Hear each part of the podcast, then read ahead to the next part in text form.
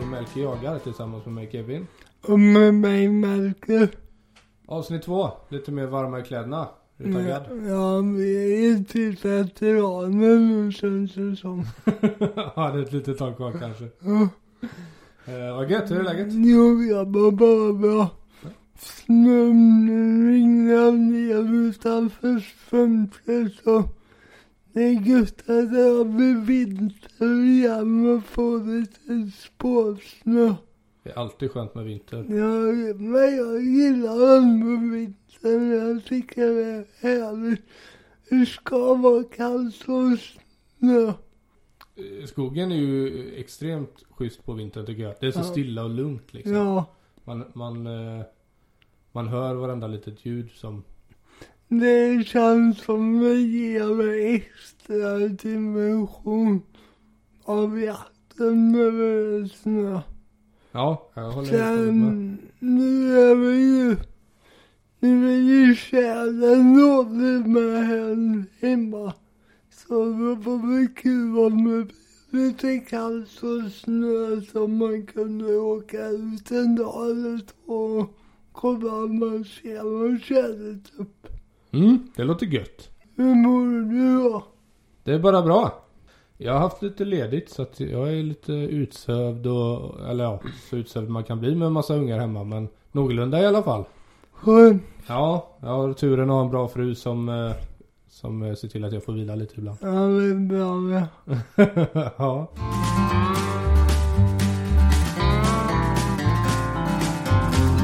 Då har det blivit dags för eh, veckans jakt. Eh, Ja.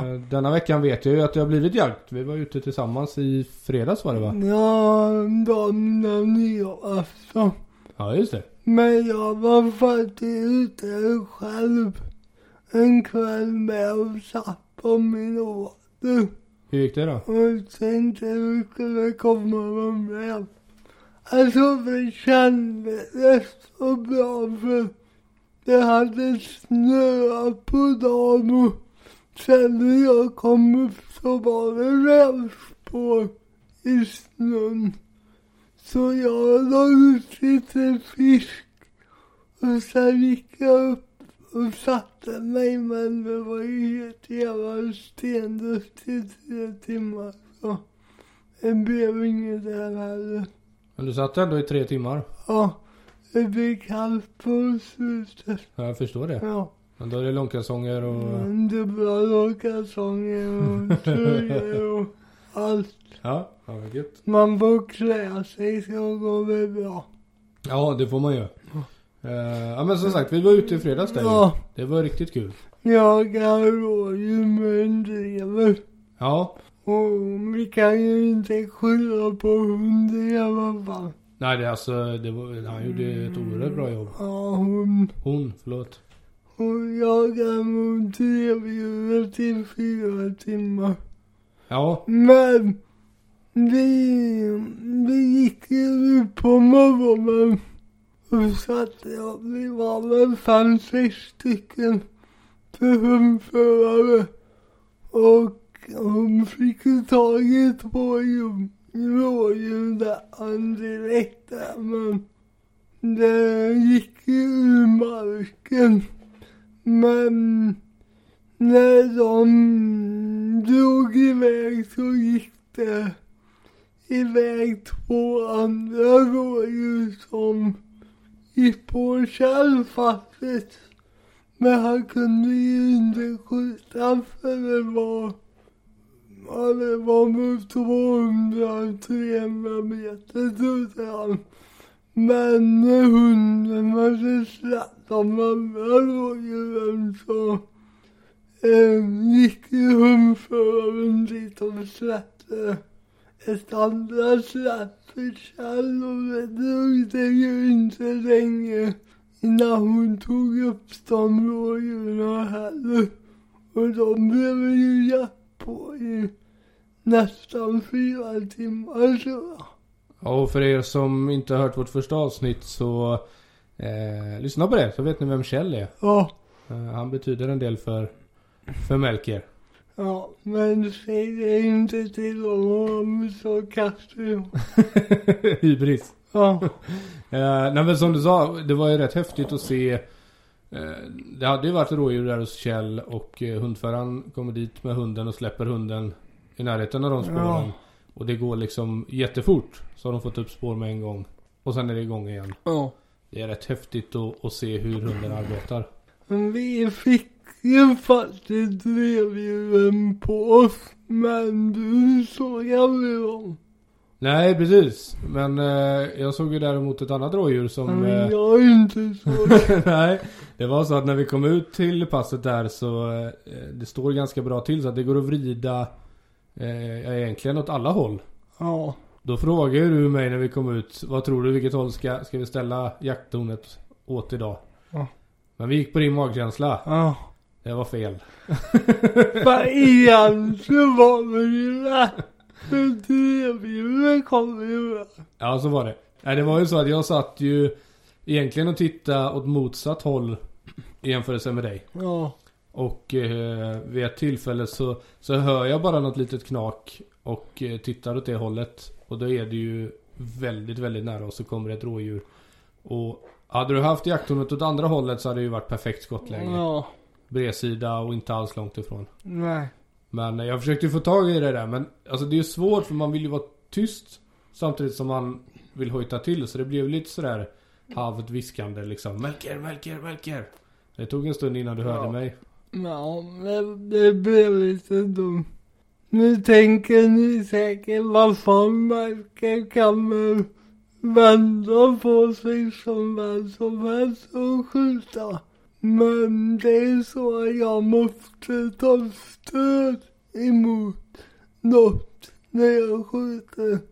Och just det rådjuret kom från Kallens såg hade jag ingen stöd.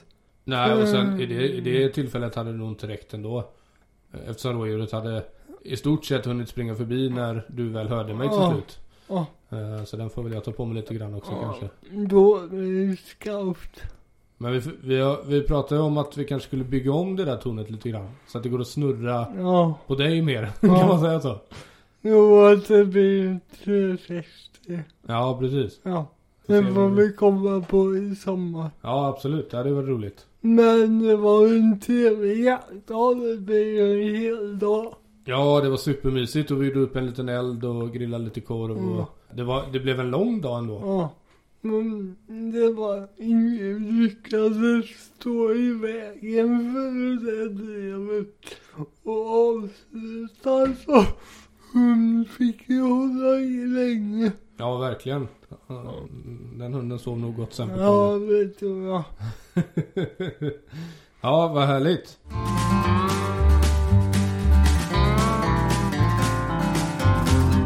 Melke berättar. Segmentet där eh, du berättar något inom jakt eller fiske. Som är intressant för oss andra. Eh, Och denna veckan tänkte vi prata lite om jägarexamen. Ja, Du kommer ju berätta här hur du löste jägarexamen för det var inte helt enkelt. Men utöver det så, så tänkte jag också vi skulle prata lite om vad andra ska tänka på och hur det går till. Och kanske också hur man ska gå tillväga om man vill ta jägarexamen om man har en funktionsnedsättning. mm. Ehm, Men om vi tar det från början där då. Man, man gör teorin först. ja precis. Som vi pratade om förra avsnittet. Jag började med teorin när jag var 15. Och det gick ju bra. Jag valde att gå i en sån här studiekrets. Så vi träffades tio gånger tror jag. Och läste igenom alla kapitel ihop. Och sen gjorde vi provet. En sån här studiekrets, vem anordnar det? Det var en, vad heter det, vuxenskola. Eller vuxenutbildningar. Ja just det, det finns väl någon sån här... eh, Ja, någon studiefrämmande. Ja just det, precis. Så det, nej, det var kul tyckte jag. Vi såg ju väldigt bra gäng. Och sen gjorde jag provet och teorin klarade jag utan problem. Var det svårt eller? Nej, jag var ju, jag hade pluggat rätt så bra tyckte jag och sen jag hade ju varit med ett tag i skogen och snappat upp en del. Så... Fick lite med dig gratis där Ja, det tycker jag. Ja, Och okej. jag tycker de vänder ju och vrider på frågorna så mycket. Det är ju som när man tar körskoleteorin. Det är ju alternativ, fyra alternativ. Men de vänder ju och vrider på svaren lite. Sen alla jävla fåglar som man ska behöva reda på var lite kul. Ja, det är det, när man hör i alla fall om folk som har gjort den här teorin så är det ju just fåglarna som folk Ja. brukar köra ihop det på. Ja, Och det är svårt. Jag, jag har, eh, min son är ju intresserad av fåglar så att eh, vi har ju kikat mycket fågelböcker och, och hållit på med lite fågelskådning och sådär. Det är ju oerhört svårt alltså. ja, jag vet hur en trava ser ut i alla fall. Det är väl där min nivå går. Det är det man kommer ihåg Ja. efter man har gjort allting. Men det är väl så som, eh, som all tänker jag att Alltså det man jagar lär man ju känna. Ja. man har på sin mark, det, det lär man ju känna. Så är det. Ja, vad härligt. Och sen eh, efter teorin så gör man någon typ av uppskjutning då. Ja, det var ju då mina problem började om man säger så. Jag började överskjuta på ledningen. Men jag kände det så fort att jag klarar inte av att hålla i bussen riktigt. Alltså jag har ju svårt med det finmotoriska och vrida upp händerna när man kramar åt framstocken på bussen. Det är jättesvårt för mig. Det kommer så fort jag känner att jag behövde anpassa vapen. Vad gör man då? Ja, som tur var att han som tog, han som hade kursen, han kände en vapensmed. Men olyckligt nog, eller olyckligt, så jag började gymnasiet där hösten och flyttade till Göteborg. Så jägarexamen gick lite i stå några år när jag bodde i Göteborg. Hade du någon relation till jakten när du började? Ja, jag, jag åkte ju med, med själv fortfarande på helgerna och så. Jag åkte hem på helgerna. Jag bodde ju på elevhem i Göteborg. Och sen åkte jag hem, inte varje helg men nästan varje helg när det var jaktsäsong i alla fall. Ja, okej. Och då var jag med själv. Så tanken jag ju alltid där att jag ville ta jägarexamen. Men sen när jag skulle ta studenten så började man ju planera framtiden och jag var rätt så klar över att jag ville flytta hemåt igen. Jag kände väl inte att storstadslivet var något för mig direkt. Eh, så då tänkte jag, fan jag måste ju kunna jaga när jag flyttar hem. Så då ringde jag upp min provledare och då fick jag numret till den här vapensmeden. Men vart är vi nu i tidslinjen? Är det här när du har precis kommit hem från gymnasiet eller? När jag ringde om om fallet det året jag skulle sluta Okej. på sommaren. Så jag hade ett, kvar, ett år kvar i Göteborg. Ja, ja. Och då ringde jag honom och förklarade läget. Och då sa han, ja men du kan komma hit. Och då började ni, ni titta på... Jag skissade, han hade en kolv utan pipa. Som man började bygga och forma och Först, Men hur, alltså fick du testa lite olika då eller hur kom du fram till vad som funkar? Ja, det gjorde vi. Han hade gjort mycket kalvkorvar för sportskyttar. Så han var ju van att forma grepp och sådana grejer. Jag förstår. Så vi kom fram till att jag mådde bra ett större grepp att hålla i. Så han förstora pistolgreppet tillbaka. Så kolvhalsen låg bättre i min hand. Och sen eh, framstocken sitter i ett handtag kan man säga. Som går rätt ner från bussen. Ja okej. Hur lång tid tog det här? Det tog en två år. Sen är ju jag vänsterskytt med. Och det är ju mer ovanligt. Jag vill säga 90 procent av alla jägare är ju högerskyttar. Men ett vapen är inte anpassat för båda då utan? Nej, Okej. så... Men när det här är färdigt sen då? Eh, då börjar du kika på uppskjutning och sådär? Ja, alltså grejen var att vi skulle bygga ett stöd med som jag kunde ha i bältet och skjuta med. Som jag satte i bältet och så gick det upp till framstocken av bussen. Okej. Men det dröjde med så jag fick ju bussen och började skjuta med och började öva lite med Kjell. Det var ju också ett problem jag hade ju inte jägarexamen och då får man ju inte söka licens. Men jag behövde en bussa för att ta jägarexamen. Som var anpassat för dig då? Ja, Mm. så det blev ju liksom moment 22. Hur löser man det då? Ja, vi löste det så att Kjell fick stå på licensen. Och så fick ju han ha den tills jag tog jägarexamen. Men då hade du ändå möjlighet att öva med det? Ja, när Kjell var med liksom. Räcker det för dig att öva lite grann och sen så är det uppskjutning eller händer det andra saker däremellan? Nej, liksom.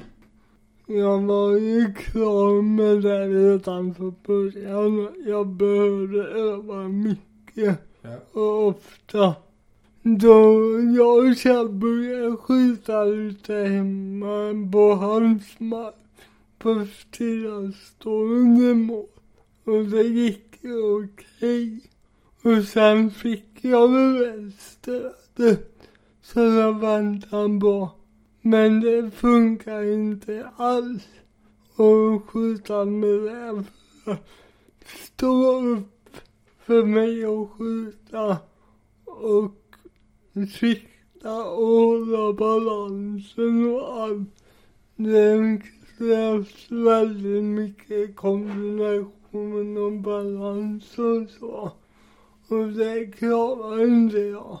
Det funkar inte alls. Och då kändes det att det var tillbaka på ruta ett igen. ja, det förstår man ju. För det är så att för att klara högviltsprovet så behöver man skjuta på rörligt mål. Mhm. Man skjuter ju ett skott när älgen står stilla. Och så skjuter man ett skott när älgfiguren rör på sig. Mm. Och så ska man göra det tre av nio serier ska vara godkända. Okej. Och där kände jag att det här kommer inte gå att skjuta på rövet. Och jag har hela tiden sagt att jag vill bara klara provet. Så behöver jag inte skjuta på övriga mål sen i skogen. Mm. Det är bara att låta bli. Och då tänkte jag, varför kan man då göra prov på det? Då tänkte jag att det här borde ju gå att få dispens. Att man bara får skjuta på stillastående mål. Ja just det, lite som eh, att man, man kan få körkort för bara automat till exempel. Ja, precis. Ja. Um, men jag försökte forska i det själv. Och jag ringde till hur många som helst på Svenska Jägareförbundet kändes det som. Jag pratade med fyra, fem olika personer och de bara skickade runt mig. Okej.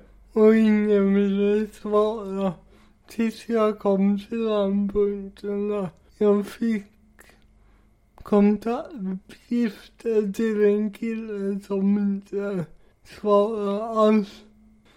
Jag fick inte tag i honom. Så då kändes det kört. Men de här, eh, de här fyra, fem personerna ringde som skickade vidare dig. Upplevde du att, att de inte ville hjälpa dig eller upplevde du att de helt enkelt inte hade koll på, på hur man gör eller hur det funkar? Det var nog både och. Okej.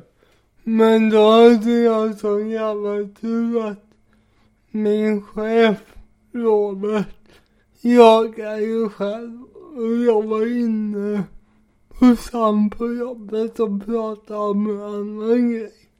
Och då drog jag den här historien. Då sa han, eh, jag känner en på Jägareförbundet som jobbar med det här. Jag ringde honom ikväll och senare den kvällen fick jag mejl av Robert till med två hela A4 av, om anpassningar man kunde göra. Okej. Som inte någon av de andra personerna visste om. Jaha. Men den här killen, var han, det, var det, det var, han var liksom specialiserad inom just det här eh, med dispenser och, och olika tillstånd? Ja, det tror jag. Okej. Han jobbar på Jägarförbundet Skaraborg. Det är ju också olika. Det finns ju länsföreningar Ja, i varje län som Jägarförbundet har. Det är jätteolika i de olika länen, hur, hur de bemöter funktionshindrade. Det kan jag tänka mig. Jag vet typ Gävleborg, de ligger i framkant med det här Okej. och anordnar jakter och så. Vilket är kul. Ja, det är klart. Eh, men du får kontakt med den här killen. Ja. Du får två A4-papper med, eh, vad sa du, olika dis dispenser eller Ja, tillstånd? anpassning. Anpassningar. Och då står det bland annat här på högvildsprovet att om det inte är meningsfullt för skytten att skjuta på löpande älgfigur så ska man inte göra det. Då får han skjuta på stillastående. Och då gick det upp en helt annan möjlighet för mig. Då visste jag ju liksom vad jag behöver öva på. Ja, det är klart. Det, det blir en väldig skillnad. Och då, då får, det är det du får skjuta då? liksom? Alltså du får skjuta på stillastående? Ja, Okej. det är samma krav då. Fyra ska inom träffområdet och tre av nio serier ska vara godkända. Okej. Sen erbjöd sig Robert med att ställa upp och hjälpa mig att träna. Och han hade en polare som hade varit skjutinstruktör som hette Martin. Så jag, Martin och Robert och Kjell drog till Roberts mark och började träna. Och då lärde jag mig om att hålla bössan på ett annat sätt och trycka ner tummen runt kolvhalsen kan man säga. Och då blev skytten mycket, mycket stabilare på en gång. Okej. Okay. Men är det någon hjälp, alltså är det någon hjälp alla kan få eller var det någon hjälp som du fick för att någon kände någon? Nej men det har ju alla på en skjutbana finns det en skjutsinstitut. Okej. Och, Antar jag. och då kan man eh, ja, antingen be om hjälp eller Ja, kanske betala en liten krona Ja. för att få lite privatkurser då. precis. Okej. Men, men det här betyder ju också att om du hade fått det där A4-pappret direkt. Ja. Ja, det jag kan ju börja jaga två år tidigare. Det kan ju vara värt att, att lyfta och de som känner sig berörda borde ju kanske ta till sig det då. Ja, det tycker jag. Hoppas att det kan bli bättre Ja. med åren. Och det tror jag nog att det har blivit. Okej. Det är bra det i alla fall. Ja, så jag och Robert och Martin och vi tränade ju några gånger där. Sen bokade vi en tid på skjutbana ihop med en provledare. Och där fick han bedöma också vad han trodde om det var möjligt att göra det här. Det är mycket säkerhet eh, de bedömer med hur hanterar vapen och så. Mm. Och det fick jag ju öva massor på. Okej. Och ta ur och sätta i patroner och säkra och så. För att hitta ett säkert sätt att hantera vapen för att funka för mig. Ja. Och det tror jag att varje person får hitta ett sätt som funkar för alla personer. Ja, och det gäller väl alla de här sakerna egentligen. Ja, Det gäller att hitta ett vapen som passar och, Ja. och eh, olika stöd som funkar och precis. träna mycket, hitta sina vägar för hur man ska göra det på ett säkert sätt som Ja. du säger. Okej. Och sen så vi gick över på att skjuta på bana några gånger. Vi hade tränat ungefär på 40 centimeter. Och då kunde jag liksom träffa ledduvar som stod eh, på marken centimeter bort. Okej. Men när det blev på 80 meter och blev det genast mycket svårare att skjuta. Okej. Och då kände jag att jag behöver ett stöd när jag gör provet. Mm. Hur, hur långt, eh, vad är avståndet på provet? 80 meter. Okej. Och då står det att man får använda jägarmässigt stöd. Det kan ju vara ett torn eller en 27-käpp eller något liknande. Och Okej. jag provar med en treben skjutskäpp och det gick bättre. Men det svajade så mycket fortfarande. Ja. Och då tänkte vi till hur ska vi göra det här? Vi provade och sköt i sjukhusen där. Då hade jag stöd för armbågarna med. Och då gick det skitbra. Okej. Men man får inte sitta i en skjutbänk och göra provet. Utan man får bara ha jägarmässigt stöd. Och då var det faktiskt Robert som kom på vi kan ju bygga en jakttorn med en sarg som jag kan lägga upp bussar och armbågarna på och skjuta. Och det godkände provledaren.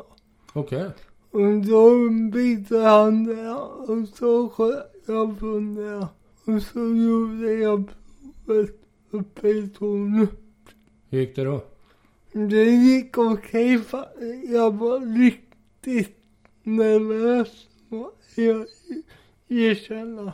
Ja. Jag har liksom väntat på det i flera år. Och nu var äntligen dagen kommer. Mitt i varför så att jag sköt två serier, vilade lite. Sen sköt jag två till, vilade lite. Och första serien klarade jag, kommer jag ihåg. Och andra var väl någon skott som sprang utanför. Och sen var det likadant i nästa två. Och då hade jag ju bara en kvar på fem försök. Ja. Men de bommade. De mot två serier men sen satte jag väl på den sjunde.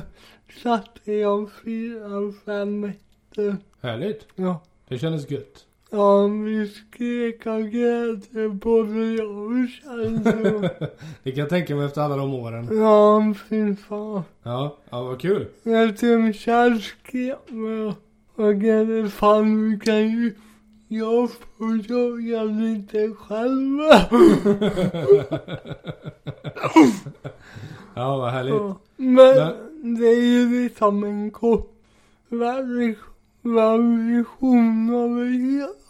Ja, jag vet ju om att du håller lite föreläsningar om det här. Ja, Då går du väl igenom den här sto- historien ja, lite mer eh, utförligt? ja. Ja, precis. Eh, I jägarexamen, eller i, under uppskjutningen där, du pratar om högviltsprov.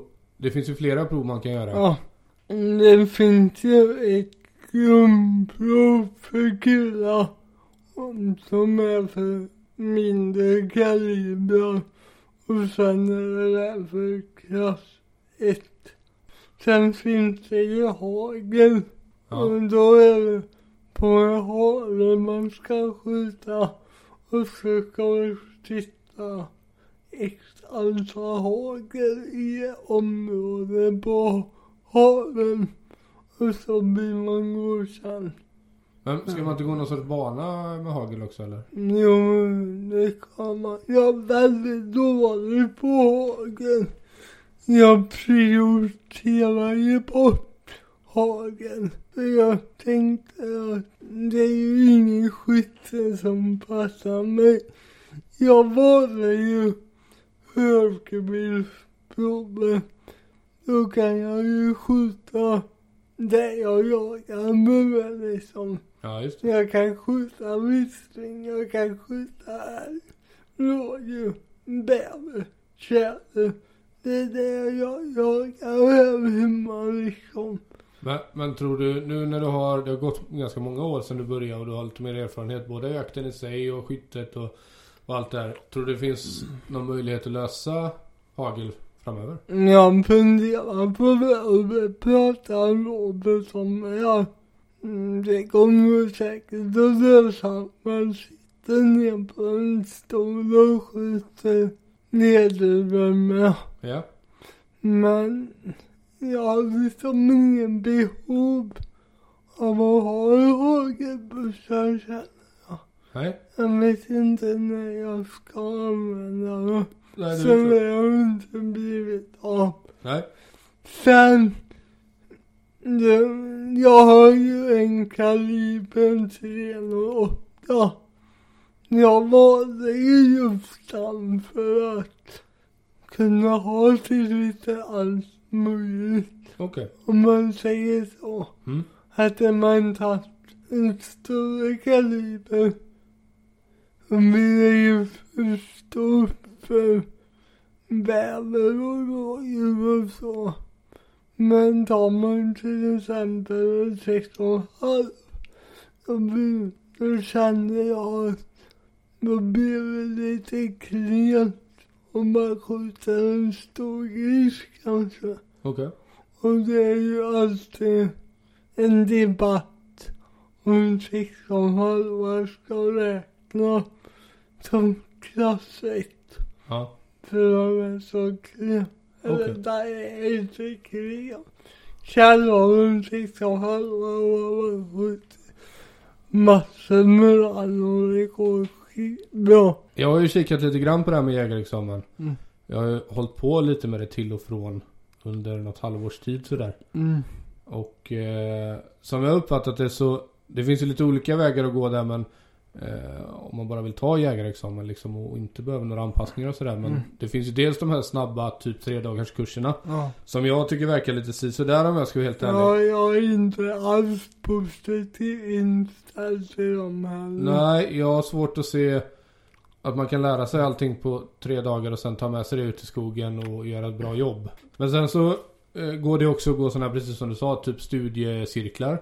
Ja. Och det finns, eh, om man vill göra det enkelt och, och billigare för sig så eh, då är det egentligen att åka till en skjutbana, ta kontakt med någon där och, och, och få lära sig skjuta. Ja. Och sen så beta av teorin själv och boka uppskjutning och skjuta upp helt Ja. enkelt. Heter det uppskjutning? Ja. Det låter fel. Jo, det säger man då. Ja okej, ja, ja, oklart. Men, men om man har någon funktionsnedsättning, om man har liksom liknande problem som du har eller helt andra problem. Det verkar ju, det, det blir ju väldigt individanpassat. Ja. För alla har ju sina svårigheter. Och Mm. den här vägen nu som du eh, gick funkade ju för dig till slut. Ja. Men vad kan du säga till, till liksom andra som vill ta jägarexamen? Hur ska de gå tillväga för att få tag i en sån kille som du fick tag i? Eller, eller bara lösa det här på något vänster? Jag tycker absolut att du kan börja med att kontakta din länsförening på Jägarförbundet eller gå direkt till huvudkontoret Svenska Jägarförbundet. Sen finns det ju andra organisationer, typ Jakten för alla som hjälper funktionshindrade ut i jakten. Sen såklart är man välkommen att kontakta mig via Instagram eller via e-mail så kan jag försöka hjälpa dig vidare. Okej, kontakta eh, Jägarförbundet. Mm. Och, eh, får du ingen respons, prata med Jakt för alla. Ja. De kanske kan hjälpa till. Ja, Och, och du kanske kan tänka dig att hjälpa till också. absolut. Så mycket man kan, som du kan Ja. göra. Vad kul! Jag, jag tänkte på en grej. Ja. Jag har ju min Instagram och där finns ju min resa dokumentera. Både mig och mina egna bilder på bussen och på... Men jag har och samlat lite tidningsurklipp och jag gästar ju annan podd som heter Jazzstudion och berättar för, om min resa. Det avsnittet tycker jag absolut att man kan lyssna på. ja, det är ganska bra det avsnittet eh, faktiskt. Där går du, går du dessutom igenom ganska, du får ju möjligheten där att gå igenom ganska eh, grundligt om, om vägen du fick ta och sådär. Ja, precis. Och om någon vill veta så är det Jaktstugan Podcast säsong 2 avsnitt 34 om jag har informationen rätt. Ja. Kör du fast så tveka inte kontakta mig. Jag kan ju skicka vidare de papperna jag fick i alla fall. Ja det är bra hjälp. De har jag sparat. Kanon. Har ni några frågor eh, eller behöver hjälp med det här? Eh, Eller kanske också om ni har något förslag på, på något ämne ni vill att vi tar upp eller sådär så eh, Maila oss på info Eller så skriver ni på Instagram. Ja. Och där är det Märke understreck jaga. Och där är det du som har full koll. Ja. Ja, eh, kanon. Då tackar vi för idag då. Tack för bra och skitjakt på er. Hörs nästa vecka. Hej.